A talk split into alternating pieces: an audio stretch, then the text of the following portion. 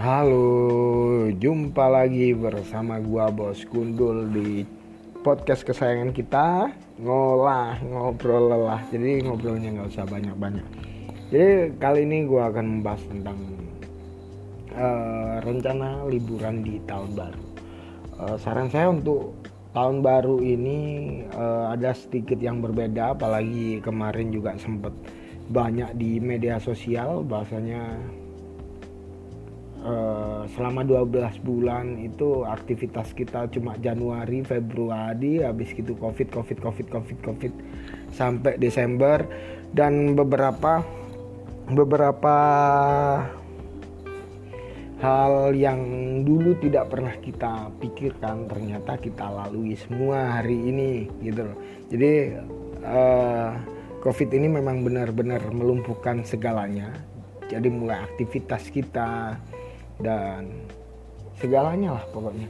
Uh, ngomong juga tentang liburan akhir tahun yang biasanya teman-teman lakukan dengan cara berfoya-foya kecuali gua yang yang melakukan liburan akhir tahun dengan cara menyepi dan uh, merenungkan apa yang sudah saya lakukan selama satu tahun yang lalu.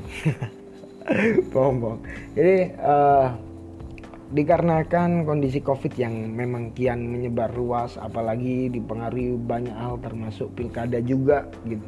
Jadi kalau ngomong memang benar-benar murni gitu pilkada tidak ada klaster covid baru saya ngomong bullshit lah. Karena eh, data di beberapa daerah klaster baru pilkada itu juga banyak sekali gitu tapi di sisi lain kalau sampai kan tidak pilkada sekarang juga kapan lagi gitu karena belum tentu di sebuah kota itu pemimpinnya bagus semua tanpa korupsi, kolusi dan nepotisme karena sistem pembaruan sistem apalagi dengan pemimpin-pemimpin yang lama dulu belum tentu mereka di sebuah kota itu benar-benar memajukan pemimpin tersebut gitu. Uh, selanjutnya kalau ngomong tentang liburan sih uh, tahun baru harusnya seperti apa? Saran saya mending di rumah aja, jalin apa ya acara keluarga internal gitu deh. Jadi entah bakar-bakar di rumah yang dihadiri cuma keluarga doang, entah bakar-bakar sosis kayak atau bakar-bakar apa. Pokoknya jangan bakar-bakar ban lah nanti kalian dikira mau demonstrasi mungkin seperti itu. Uh, sama kalau bisa uangnya juga jangan terlalu dibuat foya-foya. Karena kenapa? Kita juga nggak tahu sampai kapan hal ini akan terjadi. Kebetulan kemarin juga lagi ramai katanya ada uh, apa virus yang dihasilkan oleh covid dan lebih mematikan di Inggris itu. Cuma sampai sekarang saya sendiri masih belum cari-cari datanya seperti apa.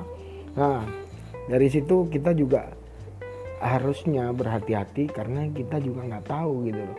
E, ngomong tentang reaktif dengan covid itu kita tetap harus berhati-hati selainnya orang seperti apa. Karena kita nggak tahu kita bertemu dengan siapa aja di tempat itu aman dari covid atau enggak karena lawan kita kalau ngomong tentang covid-19 kita nggak bisa terlalu sombong untuk saya nggak bakalan kena gitu karena uh, kita nggak nggak bisa gitu men-setting semuanya itu memang memang apa memang safety itu yang kita temui memang benar-benar non reaktif semua uang yang kita pegang itu benar-benar non reaktif semua. Saran saya untuk menghindari covid ya kita harus berhati-hati gitu aja. Cuma jangan terlalu paranoid karena uh, di saat kalian terlalu parno itu juga mempengaruhi imun kalian untuk turun. Jadi tetap jaga kesehatan tetap jaga imun. Uh, apalagi cuaca yang kalau kita ngomong tentang Desember biasanya hujan lebat. Jadi teringat deh lagu dari efek rumah kaca.